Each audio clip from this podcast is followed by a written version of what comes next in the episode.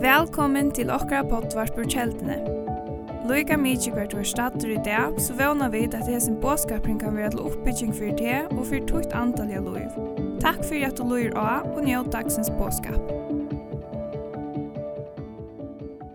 Så løsner. Så Efesus kapitel 8 og vers 15 til 18. Og det er Paulus som skriver til samkomna i Efsos, eller til det tryggvande i Efsos, som var en stor, man kan säga, region i Lutla Asia, nuvarande Torskalandet. Og her stendur såløsner. Sujane er fikk at høyra om tryggvtikkara av Herren Jesus, og kærløyga tikkara til öll hine høyløvå. Her vi er tog ikkje helt jo pært at takka fyrir ta i minnes tikkum og i bøn og møynum at god herre okkara Jesu Krist, feir dordarinnar, skal djeva til kon anda vysdoms og oppenberingar til kunnskap om seg. Og opplysa eio hjärsta tikkara til a skilja vånena og i han hevur kalla dekon til. Kvoss rygur og dord arvor hansara er mittlen høyne høylavo. Och så ständer det så framvis och så framvis. Och tar du leser det her, så kan du bli rätteligen oppbygter. Tog heter er en utrolig arvor som, som går til å kalle dere til. Å bære. Och det som jeg vill häfta med oi og det det er 8 år och det är inte ett år som vi drar ofta ta seg om men det er ett år som er ekviga viktig at det kommer till hur så vi sucha av oss tänker Og det er året åpenbering. Um, Paulus byr her bort. Um, han uh, viser av at det er kristne, det er tryggvande, og det er jo to, at vi har finnet en arv. Vi har finnet ekgang til nækka som er ometelig kraftfullt. Han tar som det kraft som virkar i okken. Og i Kolossebraun 8, halvdelen 8, 8, 8, så sier han, og, et, og i torre kraft virke er mektiga, så mektigane virker i mer.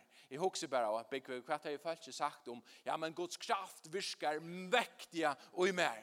Det sier Heiluga som proklamerar till hans ösnar, och hur hade vi tagit? Men Paulus, han proklamerar det här ut, att han kraft som mäktiga vittne, eller viskar i honom. Och hur är det här? Jo, till tog att han överfinner en uppenbering av vad det är för nacken. Han er etter ikke bare informasjon, etter ikke bare vidan, men etter en verløyge fyre han. Så han er finnkje hans oppenberingsna. Og tog byr han fyre sånne folkene og i Efesus at jeg byr etter at god herra okkara Jesu Krist, feir dordarinnar, skal gjøre til kun anda vysdoms og oppenberingar til kunnskap om seg. Så det er ikke bare blei vidan men det blir veri løyke ui okkara løyvun. Og oppenbering, det kommer av til griska åren apokalypsis. Og det merker at avduka nekka. Um, det er ikke nekka, man sier vi bruker et uttrykk, det er ikke nytt under solen. Og det er det heller ikke. Og ta, og ta det kommer til oppenberingar, så er det ikke tog at nå er nekka nytt skapa men til tog at nekka som langt er her, ta verur avduka. Um, til det samme som tar du kommer inn i et mist rom, du er omgang du veri her før, og du også, hvordan skal jeg finne, wow, mundi hever en kanter. Jeg gjør det, jeg er ikke tog i mundi, jeg gjør det, jeg bare. Du er spalt i at jeg er noe mist rom, jeg kjenner ikke etter mist rom. Og så kommer onker og, altså, hvor gang du er i myrsken, tendra ljøse, knapplega, så sørst du alt pura klost. Du sørst hva det er inne i her bønt, du sørst det, ståler, oh, her, mun dott i over, oh, og trapper, og lider, og alt det forskjellige. Du sørst det, og i noen splitt sekunder. Det näka som ble outduka. Og det er när att at oppenbering fungerer. Vi kunne jo, man kan säga, lære, her var imiska innlæringsprosesser. Vi var skolar, og vi lærer bøttene, døtteren kommer, hun ber nå og då å lese, hun gonger i ørenpløtje, og ta neste, hon hun hon ber då alla bokstäverna så vi är. Men ta lär man i mån till en tillgång, en process. Men tar man tek och vi en uppenbarelse så är det nästan som händer här och nu. Bang, en uppenbarelse. Wow. Och det är det som Paulus med Anna är inne i a hebont. Ehm um, han visar a hebont att Herra God Herre okkara, Jesu Krist, fær dördarna ska djeva tikkun anda, visdoms og oppenberingar til kunskap om seg. Og hvor skulle vi hava etter her? Kunskapen. Ta grisk år her bønt for kunskap til epignosis. Og epignosis, ta kan bære merskja kunnløyge, vidan, men ta kan òsne merskja at kjenna atur, recognition, at man kjenner nekka atur. Og onkur ensk tøying brukar eh, seg her omsettingene to give you the spirit of wisdom and revelation to know you better. Det vil si at vi tog enda male at vi skulle kjenne god betre. Og til tog at vi tar bruk for at ting blir åpen bedre i fyrir okkom. Ta jeg undervurst om evne Bibelen av BSK for jeg nær siden. Hvordan går det da? Det var nok snakk. Flott ta, ta sig om att i botten och vero så kan man säga att Bibeln är en uppenbering. Vi ser att en bok och allt det här, men vi kan också säga att det här är Guds uppenbering till okkara. Det här det ständer allt i Bibeln som Gud ville att vi skulle vita om han. Och vi behöver inte lägga något trätt och vi behöver helst tacka något fra. Bibeln är Guds fotla uppenbering och han har givet oss som han sier, allt och i henne fyra att vi kunne lära att känna han. Man kan säga att han har sendt sitt år till oss. Och vi vet også att året blev hållt. Och året är Jesus. Jesus blev uppenbarad för at visa hvor god är. Det som så Jesus, det så feir För å läsa om en lötta. Så man kan säga, så Jesus är sändaren av åren. Och här så suttar vi ett öjsne att man kan säga att det är att något är sänt. Men det må öjsne bli mötigt hvis det skal avrige nekka. Hvis det var blevet sendt og ikke mottek det, ja, men så er det som om at det ble omgående sendt. Men her sier vi at hele anden, han er han som kommer hjelp oss at det er mottek. At året og anden, de virka alt og saman. Og hver tåsar Paulus om hebon? Hver får vi dette her? Jo, han sier såles når vi er det. Og opplysa eio hjärsta tikkara til a skilja vånena og i han kallat kalla tikkun til hvordan rygur og dord arver hans er med middelen høyla og også framvis. Hver hender alt det her? Hver, hvis vi nu skulle sija, hver gong det her fyrise? Jo, han sier eio hjertet tikkere. Vi gjør noe till til nekka som er innan og jokken. Vi først er vid vi jaga alla möjliga stans etter idre tingon, for lykkes man finna finne välver och velver og alt det her. Men hver sier han? Hver, hver, hver gonger alt det her fyrir seg?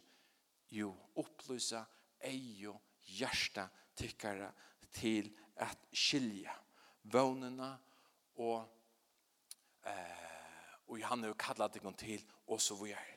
Det er i hjärtan om att det så här tensionen till öle ofta så huxar vi vi må huxa om vi må folk lukka som skilja det rationellt och gå till ge och någon höjla. Han har ju och en höjland. Det är inte annan visen där med som ju och någon. Det är god som har skapat höjland. Och han är ju någon till att bruka. Men till vi kommer inte vi kommer inte alla vägen mål vi jag skulle lägga som komma till rationella nyestover vi går till. Vi först så blir höjlen ösni ein fora. Så jeg, nei, hette her blir ikke til. Når kan du være her? Nei, hette her, nei, hette her, hette her, hette her, hette her, ikke. Skål sier det. Det finnes noen oppenbering om det. Så ber det til. Du er fer djupere og i hjertet. Og hette her er nekka som Paulus byr fire samkomne eller at han mot sikvand i Efsos. Og jeg tykker hette her er øystene nekka som EU 2 skulle bya om. At ta i vidfæra og i skriftene tar vi for å lese året. Herre, åpen bæra etter året for meg. Herre, gjør det livande for meg. Så det ikke bare er en information som är akkurat som vi läser en ära bok men att det här blir väljande näka och i min personliga liv. Ehm um, så man kan säga året tar samskifter och anden ger och kon för mottaka ta som är samskift eller at gjøre det livande og i okkara gjørst. Um, jeg vet ikke hvordan det er vidt her, uh, men vi først så kan du, man kan si, du dår et skriftsted åtta nett. Du, hvis anker vært til klokkan tro om nattene, og du siterer hatt der, du dår det. Du dår det rent rasjonelt. Du minnes det, og du kan det. Og du kan skal lyse etter skriftsted i hundra fyr, eller tusen fyr. Men så knappelig tar du så øyne for når først ivret til her, skriftsteg, så er det knappt som om du sørste som du omgang du sier det før. At det er akkurat som i vers man bruker etter at skriftsteg hoppar ur teksten. Ta gjør noe vittig, du sørste noe som du omgang du har sett før. Selv om du vorste og ut noen høtte, men nu knappt gjerne først du øyne oppenbering. Og det er et døme om hvordan året kan blive livande og i okkara gjørst. Jeg skal forhitje etter noen dømon om åpenberingar og i skriftene, hvordan det fungerer. Um, hvis vi får til Lukas kapittel 20, og leser versene fra 16 til 22, Sammanhängen ned til det här Jesus, han har sendt, tar av fjärs lärarsvänner ut. Han kallar det, ja, sender ut att praktika och gymskom bojon och grua till 20. Och så kom han tar attor. Och, och i vers 16 så ständer det så här att hinner av fjärs kom och gläjer attor och södde. Herre, Øysne hinner ytlo andaner er okkon kon lutner i navnet tøyno. Ta seg han vittar. Jeg sa Satan fadla nyer av himmelen som snarljøs.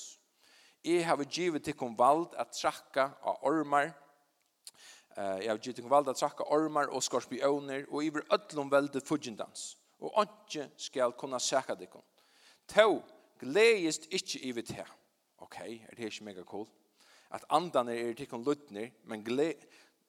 Nei, han sier så snar. Men gledest iver at nøvn tikkara er å oppskriva i himmelen så stenda vojar vers 21. Og i som stund fylltest han, Jesus, av glede og i høyla andan og sier, «Jeg pryset her feir, herre himmels og gjerrar, at du hever dolt hetta fyrir vysun og klokun, og oppenbera avmyndion til. Ja, feir, du så lyga i her at du vera skuld. Alt er mer Jesus, lidi upp i hendur av fær. Ongen void hver sonren er, utan færen, og hver færen er, utan sonren, og han og sonen vil oppenbæra.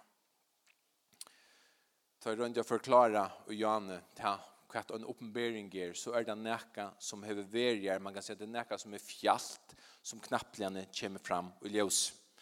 Og til det han vil sutja her, og i vers 21, at uh, Jesus gleist om oppenberingene som heser her lærersvannene har finnet.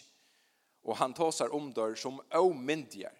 Jo, han sier så i vers 21, «Jeg prøys deg færger her i himmels og gjerre, at du har dolt, du har gått hetta fire vysen og klok. Vi gjør nåren, hette er ikke noe som man kunde granska seg til. Hette er ikke noe som man kunde gjøre formler til. Hette er ikke noe som man kunde råkna seg ut til. Nei, du har oppenbera og myndjon til. Og i sommon omsetningsstenda smabøtten. Til til vi først så det som heimlen ser og på at det som virker sin enkelt og primitivt. Å, det her hatt råttan for okkara, for at det er i lukka som. Og Jesus sier, nei, to er dolt hette, til dolt, tar av ikke fæta det, men til blir oppenbera for omyndjon. Og så sender vi her i hebant at Jesus sier at alt er mer lidig oppe i hendur av færmunnen. Ongen void hver sonren er utan færen, og hver færen er utan sonren, og han og i sonren vil åpen ber han.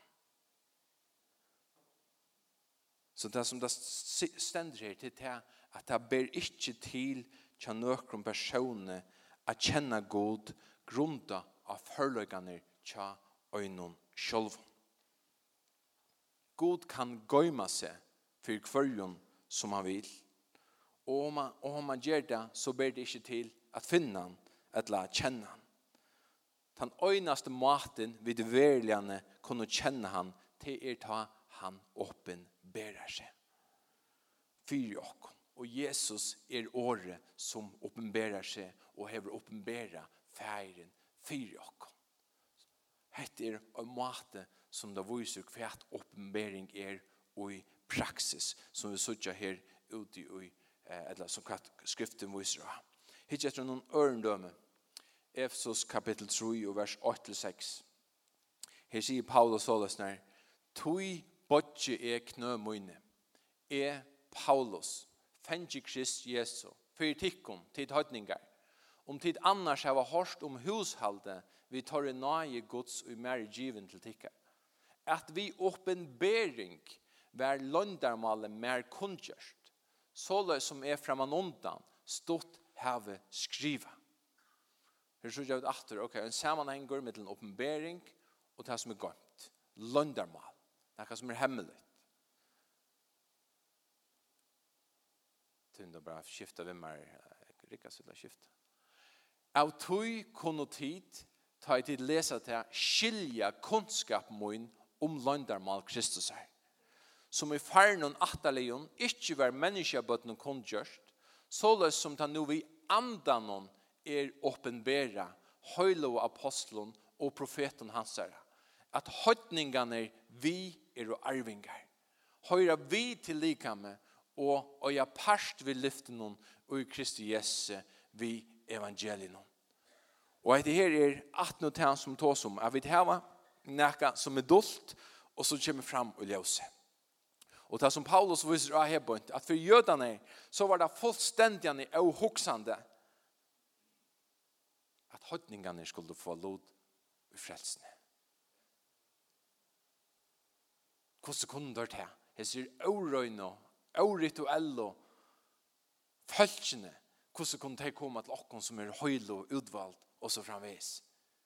Det var de puraste fjerst. Men Paulus sier såles når her, hvordan fikk han til åpenbæra? Jo, det var åpenbæra vi andan. Anden har åpenbæra det høyl og apostelen og profeten hans herre, et høytningene vi er og arvinger. Det vil si at fra byrjan av, og i 4. Mosebok kapittel 3, vers 15, tar god innsetter sina frelse og atlan, ta våre høytningene inkludere. Det var ikke bare jødene som skulle bli frelst men det var alle mennesker av hjørnet. Og det er hendan her oppenbering som Paulus eh, legger fram her. Det han sier her på en, av tog kunne vers 4, ta det lesa hetta, lesa det, skilja kunnskap mun om løndar mal Kristus her. Tog at hetta var blive givi honom åpenbæra. God hei åpenbæra det. Og man kan säga så där, hvis god ikke hei åpenbæra seg selv han fyrir okkon, så hadde vi et ångan chans av funnet han. Var ikke om du nærkant gjør hoksom det? Om god ikke kom til okkara, så hadde vi et ångan chans av funnet han. Jeg var her, og hei junior for en måned siden, jeg skulle ta seg vi juniorene om hvor god var. Så spurte jeg lukka som Ja, men hver er god? Så sa jeg til det. Men hvordan vet jeg det til? Ja, men Bibelen sier det. Ok. Men hva er det nå som ikke høyde nærkere Bibelen? Å ja. Hva er det vi så gjørst? Bibelen tåser om at vi kunne suttje av gode til ut fra skaperversen. Men skaperversen kommer alls å fortelle til her at du bruk for det av en dom fra denne synden og gjøtta Jesus som din herre. Det kan du ikke lesa av skaparversen. Tog av god okkom, sutt år. Han oppenberer i seg, kom til okkara. Og en professor, han sier det så løsner, som jeg heier, Ora Roberts, han sier, okkara vidan om god er et urslid av hans herra nøyerug og avgjer og langsle at hava samfunnet vi mennesker. Det er ikke vi som har funnet god. Jo, man kan se det på en måte, men det er god som først er kommet til åkken således at vi kunne finne han. At han hever åpenbæra seg fyr i åkken. Hver fyr åpenbæringen fram. Ja, langt vi er sindrin i at hun fyr fram og i hjertan.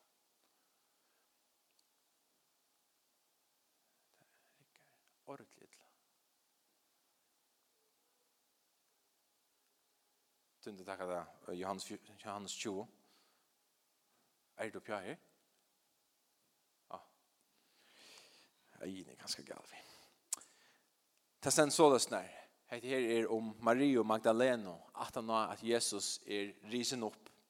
Og hon var øyn som fylltes sammen med Jesus, sammen med Jørgen kvinne. Hon tante jo noen, sammen med jo Og så stendte det så løsner.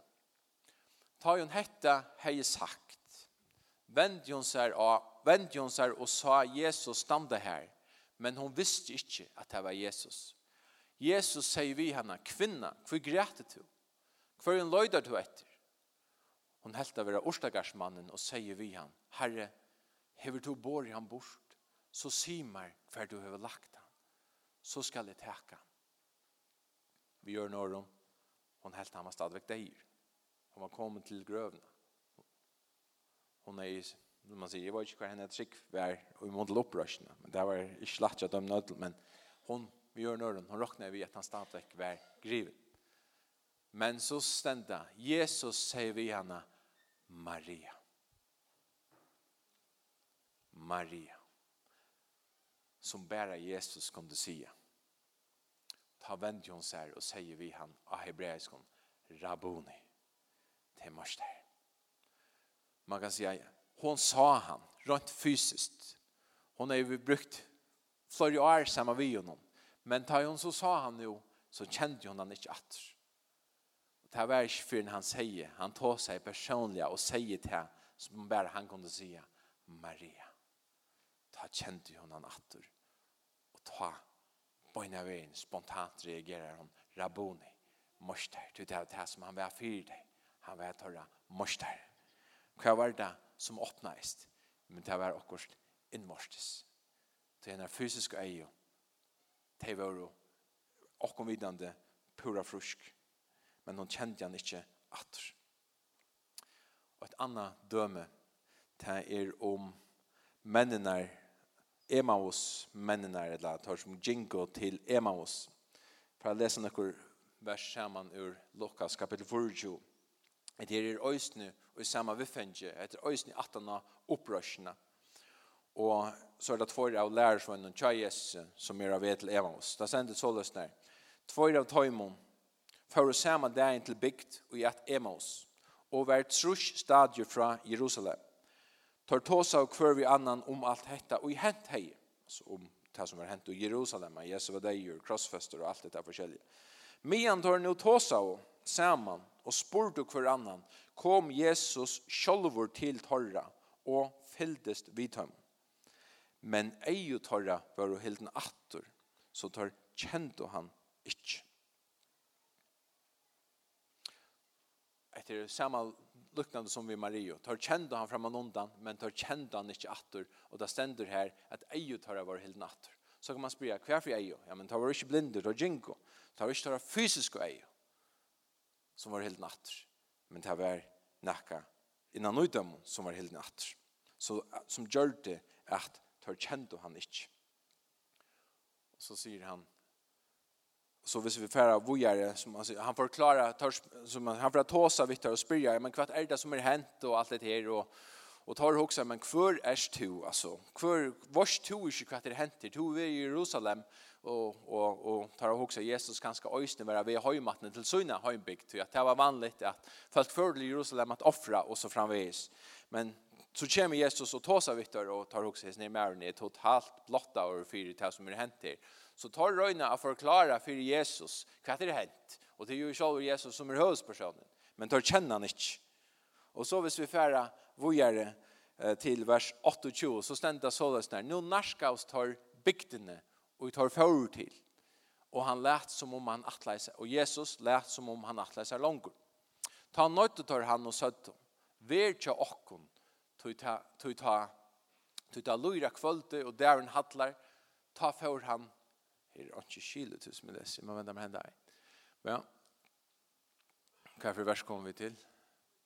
Nå er ikke Ta nøyte tar han og søtte, ver tja okkon, tog ta lyra at kvölde, og der han hattlar, Ta för han in att vara tjata. Ta han så sett till bors vid tömon, tog han breje, sikna i och brejt det och gav dem. Ta var och eju torra lät den upp och tar kände han. Men så kvarv han tøymon ur sjön. Så här såg jag vid att ejene var lät den upp. Men det var inte de fysiska ejene. Det var att se han alla töjna. Men det hjärtans eju blev lät den upp så kände han at. Men så ständer det, så kvarv han tömmen ur sjøen. Og då skjøtte nu kvar vi annan, brann ikkje hjärsta och jokken, ta han tala i vi jokken av en. Och lät okken upp skriftene. Så Jesus hei forklara tjøk noen atler launar, jokken solmanar og jokken skriftene, alt og profetene. noen kunde alt gamla testamentet og tåsa om seg sjølva. Og ta han tåsa i, så var det okkur som brann og tar av gjørst. Og hva vi vi det ikke til, at ta i god taler, så er det nækka ui okkara gjørst. Um, Færa vi til endan her, så møtes der attor, og så var jeg, og så enda det såles der, og han sier vitt her, Hetta er årmøyne som er tala i vitikon, men i enn vær tjatikon, at alt måtte genga ut som skriva er omme, og i Moselov, profeten og Solomonon, Så let han opp vi tørra, så tør skilt og skriftene. Nu skilt og tør, lengt om lunge, kvæta vær som han er i tås om. Tøy at etter røtten, så var øynuk for jødiske dronker, da han var 12 år gammal, heis ut bar mitzva, så skulle han doa, alla mosebøkene han skulle doa, det aller meste av gamla testamentet. Så tar skulle du haft vite alt det her om han. Men det var okkur som var dolt fyrdømmen men nu attana så var det blive åpenbæra. Tar kjento Jesus atter. Og dette viser oss nu okkon at jøknon alt gamla testamentet så kunde Jesus vise av seg sjolvan. Bæra vi å vise til skriftene. Og til det samme i det, bæra vi å lese Guds år, så har vi alt det som vi har bruk for. For å kunne vite det som vi skulle vite om Jesus. Og dette her viser øsne okkom at til at hava vidan om nekka og til at hava oppenbering om nekka er ikkje ta saman. Tar unna rikva av vita om Jesus, om gamla testamentet og så videre. Men nu finner du oppenberingen av til øsne. Vidan til det som vi hava og i høttene. Men oppenberingen til det som kommer og hjertet. Til at du vorst, at du vorst, at du vorst. Og det er det som øyne hjelper oss og gjør noen, nek ting og løv noen. Ta og vite si stopp, men jeg vet at det er ikke så løst her. Så jeg vil da finne en gypre oppenbering om avvis ting. Åra Åretøkene, tror fem sier, løyt av herren, løyt av herren av øtlån hjertetøyne, Løyt ikke av vidtøyt sløyt vi hjertan. Til her tryggven bor. Til her oppenberingarna koma. Og til ikke alltid samsvær mellom hjerta og sinne, tankene, høylan. Da er det viktig at man lurer etter hjertan.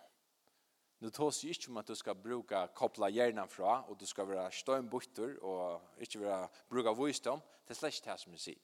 Så ikke til meg, begge sier jeg skal slett ikke hukse, jeg skal bare fylla på en hjertan så kunne vi den øyne rettelig skøft, men jeg halde det skilja hva det møyn, etter tog oppenbering som vi da finner i hjertan. Og døme om hettar til om Zacchaeus. Jeg har ikke tog for å lese alle hendingsene, men jeg tykker at de fleste av oss kjenner søvnene om den her toddleren. Ta Jesus var ved i Jericho, så kom han til å holde seg denne her mannen. Mæren var forvitten, han fører opp i Morberg, så han var så lydelig av vøkst og han ville søtja Jesus. Og Jesus kommer i til han og sier at jeg skal komme til tøyne der, og jeg skal eta saman vitt her, jeg skal gista kjøtt her. Og Zacchaeus pura kjelkaur av oss nere, i raskaur, kommer til til moin, hvordan kan du ta? Og han skunda seg nere og for inn. Og Jesus, det som jeg aldri av verset er at det første som han sier, Zacchaeus, til det herre, om jeg har tidsi for nekv. Så det var det som jeg kjente toddlerne. Det var tant og romversk og myndløgnen. Så det var ganske her som du skulle takke tvær mynter, tog der, eller øyn, her tog der tvår, kort du øyn til romerne og øyn i sin egna lomma. Så der hadde et ekvelig ringt år av seg.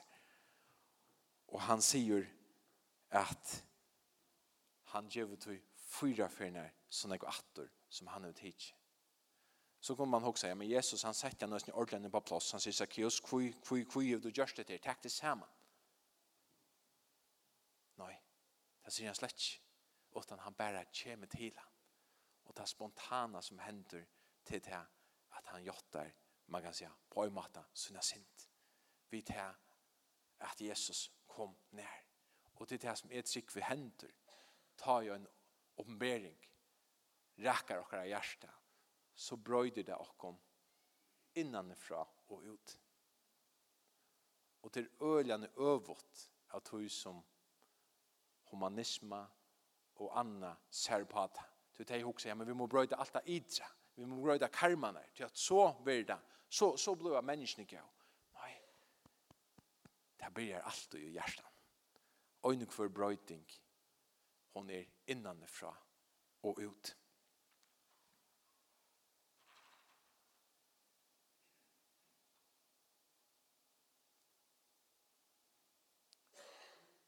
Så åpenbering er ikke en kjølfylgja. Jeg vet ikke hvordan det er vidt her. Jeg tror vi har tatt to hikker etter at tøtt liv. Kanskje Arjen tog bles frelst eller frelst. Så tror vi at det er noen ting som ikke er lykke nå som, var, som er. Og jeg tror en av årsøkene tog til tog til fikk en åpenbering om nek uten hjerte som sier så det kan jeg ikke gjøre. Hei, her kan ikke være maten som jeg lever på. Jeg må blå morgen lykke yes fra min egna liv, så minnes det, da jeg var, da jeg var i bibelskolen, så, så hoksa jeg, ja, til at vi først, du kan stå oppenbering over nøkker ting, men du har ikke oppenbering over alt. Og oppenbering er nekka som vi alt kunne vekse i, som vi sier til Herren som gjør åkne men vi kunne tro etter henne. Vi kunne tro Herre, møyre av hesen, møyre av hesen, og så kan han gjøre det til åkne. Så kan han avduga det, vise åkne det. Og minst her, jeg husker jo, det første jeg husker om det her gosset skulle jeg for å klare meg, fortjellig. Hvordan skal dette for å henge sammen? Jeg husker jo, hva skal det? Hva er problem? Jeg er ferdig å tippe. Jeg er ferdig å åtsa, for jeg kan som klarer penger på dister. Jeg er ordentlig gøyere til det her, husker jeg. Hva er problem? Jeg minnes den første måneden. Miste tusen kroner. Vann ikke en kroner. Å nei, dette ganger ikke godt. Prøver jeg etter neste måned. 500 kroner. Bare så sånn, nei, dette er krise. Nå ganger det kjøtt nye. Inntil jeg satt av bibelskolen en dag, og så tåser, jeg halde det av Joakim Lundqvist, tåser om at Herren er tog inn for syrger. Så kom en oppenbering. Herren er min for syrger. Og jeg er gamle, jeg har sett sitt penger av dist.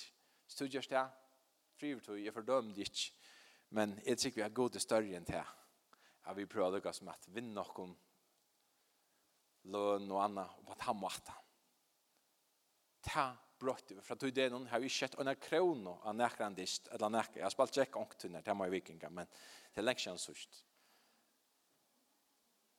Og en oppenbering som gjør at nekker brøytes til jokk. Og et annet som øyne brøttes til meg, jeg hadde jeg sagt ångtunner for, til da jeg kom høymatten, de du vel har hittet etter ångtunner, ungdomsserien, ordentlig stortligere, Uh, og jeg er ikke hoksa om sånn jeg i alt alltid, Og det var særlig at den øyne serien der som det var viner og New York, levde løyve, hadde så snakket partnerer, leser relasjoner og alt det der var kjellig. Og det var super stort, super populært. Kom jeg hjem til første jølen i 18 år, jeg var buska. Jeg var ja, 18 år gamle, hedje etter sne. Så tar jeg hukk det som, my dear, hva er det jeg hedje etter? Altså, her er onge moraler, her er onge karakterer, er det såles nær at, som man sier, høymer ikke, at vi skulle leva, lest, frutt, utan arbeid, nei, det er det slett ikke. Det var nekka som at her slei mot hjertet. Jeg vet jo bare, jeg kan ikke fylla meg vis ned. Alltså det er slett inte det. Det er det som Heimer rönnar at, lukka som att att att uh, ska man säga att marinera ungdomarna ja men det sålas när det rätta löjer. Det är det slett ikke. Og jeg sier, hva skal jeg? Ikke mer. Nøkker ting, nøkker oppenberinger som kommer av en, som gjør at vi brøytast som menneske og blir vånande møyre løyg gode. Og som jeg sier, at oppenberingen, hon er, eller en oppenbering er ikke en kjattfylse. Hvis vi fer til 1. Korint, kapittel 8, og vers 18-19, her stender så det snær. Tøy år krossens er vurs tøy mondarskapur som fortapast, men okkon som frelst vera er det kraftgods. Skriver jo, jeg skal øya visdom hinna visum, og vit hinna vitio skal jeg gjøre til ånds. Hver er han viser, hver er han skriftlarder, hver er han granskare av hesen heim. Hever ikke godgjørst visdom heimsens til darskap. Tog vi til at heimren vi visdom med synom kjente ikke god, og i visdom i hansara lukka i det god. Vi darskapet pratikanar at frelsa teg som trykva. Vi sutja her at her er ein båskap. Det er båskapen om krossen. Or krossen. Krossens. Men vi sutja at her er tver nyrstøv. Her er tvei utfall. For somme så er det darskap. Det er tapast. Men okkom til at til tøyn og til møyn som er frelstur så er det kraft Guds. Hvordan kan det til? Sambåskaper. Til ikke blir åpenbæret. Til ikke skilt. Og man kan si at de som er og så fanatiker og damer gamla så så er, så kan man på en måte skilja deg. Ja, men hvor er du til kristen så fanatisk om denne krossen? Hvor er det så viktig som bål for tikkene? Krossen var jo for romværende at avrettinger amp. Her er det lukka som ringast og brottsfatsne blei avlevei. Hvor er han så viktig for tikkum? De har ikke oppenberingarna av at det var Jesus Kristus som tog mot plass av denne krossen. Det var jeg som skulle være her og ta en straff og alt det som jeg har gjort skoft. Det var jeg som skulle være her. Og ta en kraft som er som krossen forløser. Det har jeg finner oppenberingen av sånn til at han har frelst meg. Tog ble det til kraft gods. Tog har vi bruk for oppenbering. Og det er som sagt ikke en kjølfylkje. Og visdommer Guds kan bare skiljas av tøymon som er født av andre gods. Det er hele anden som oppenberer det for dere. Det er det som Paulus sier i fyrre eller i Eftersbrannen 8, sier han, andan visdom oppenbering til kunnskap om det, så vi skulle kjenne han bedre. Det tog vi har bruk for oppenbering. Det tog vi har bruk for å sida og Guds åre og be hese bønene som Paulus ber, Herre, oppenbere etter for dem, så det skiljer. Jeg skal lese alt dette her, nå til enda, så låsangeren kunne gå komme opp ur Efsos kapittel 8,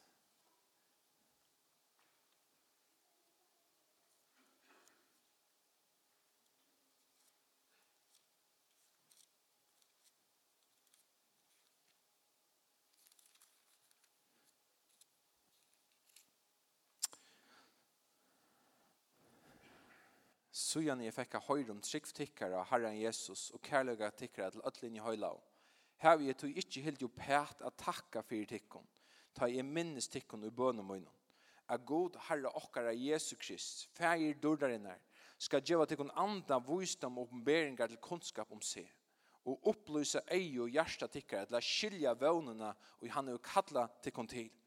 Hvordan rygur og dord arver hans er er mittlinjen høylau, og hvordan ommedelige større kraft hans er er åkken som tryggva, såleis som velja styrke hans er virke, som han vurste i Kristus, tar han røst han opp fra hinnom deg, og setter han vi høyre hånd syna og i himmelen, høgt i alla ting, alla myndløyga, alt vald, og herradøme, og hvers navn, og nevnt verer, ikke best i Jesu verald, men øysni og hinne kommande. Alt lei han under føtter hans herre, og gav samkommen i han som høtt i vrødlund, Henne som er likam hans herra, fyllt av honom og fyller alt i ödlom. Ta vidt få at du fotla oppenberingsna av hesen her, så vil det også avvirka okkara gjernsliv. Så vil det avvirka hvordan vi liva, hvordan vi handla. Ta vid liva og i ljósen av tog som han har givet okk. Takk for at, amen. Takk for at, amen. Amen tøyma oppenberingen som er given hebant. Og i årene, hon har blivet tøyn personlig oppenbering. Annars gjør ni ikke noe om. Tu måste personliga tacka till som er givet hebant til tøyt liv. Spurningen er, er Bibelen Guds år etla år om god? Av alle som synder, hva for oppenbering vi tar ut? For nekver det bara år om god. Men om hon är väl Guds år så ger det oss när vi och hon går så vid för halda hon till honom. Amen.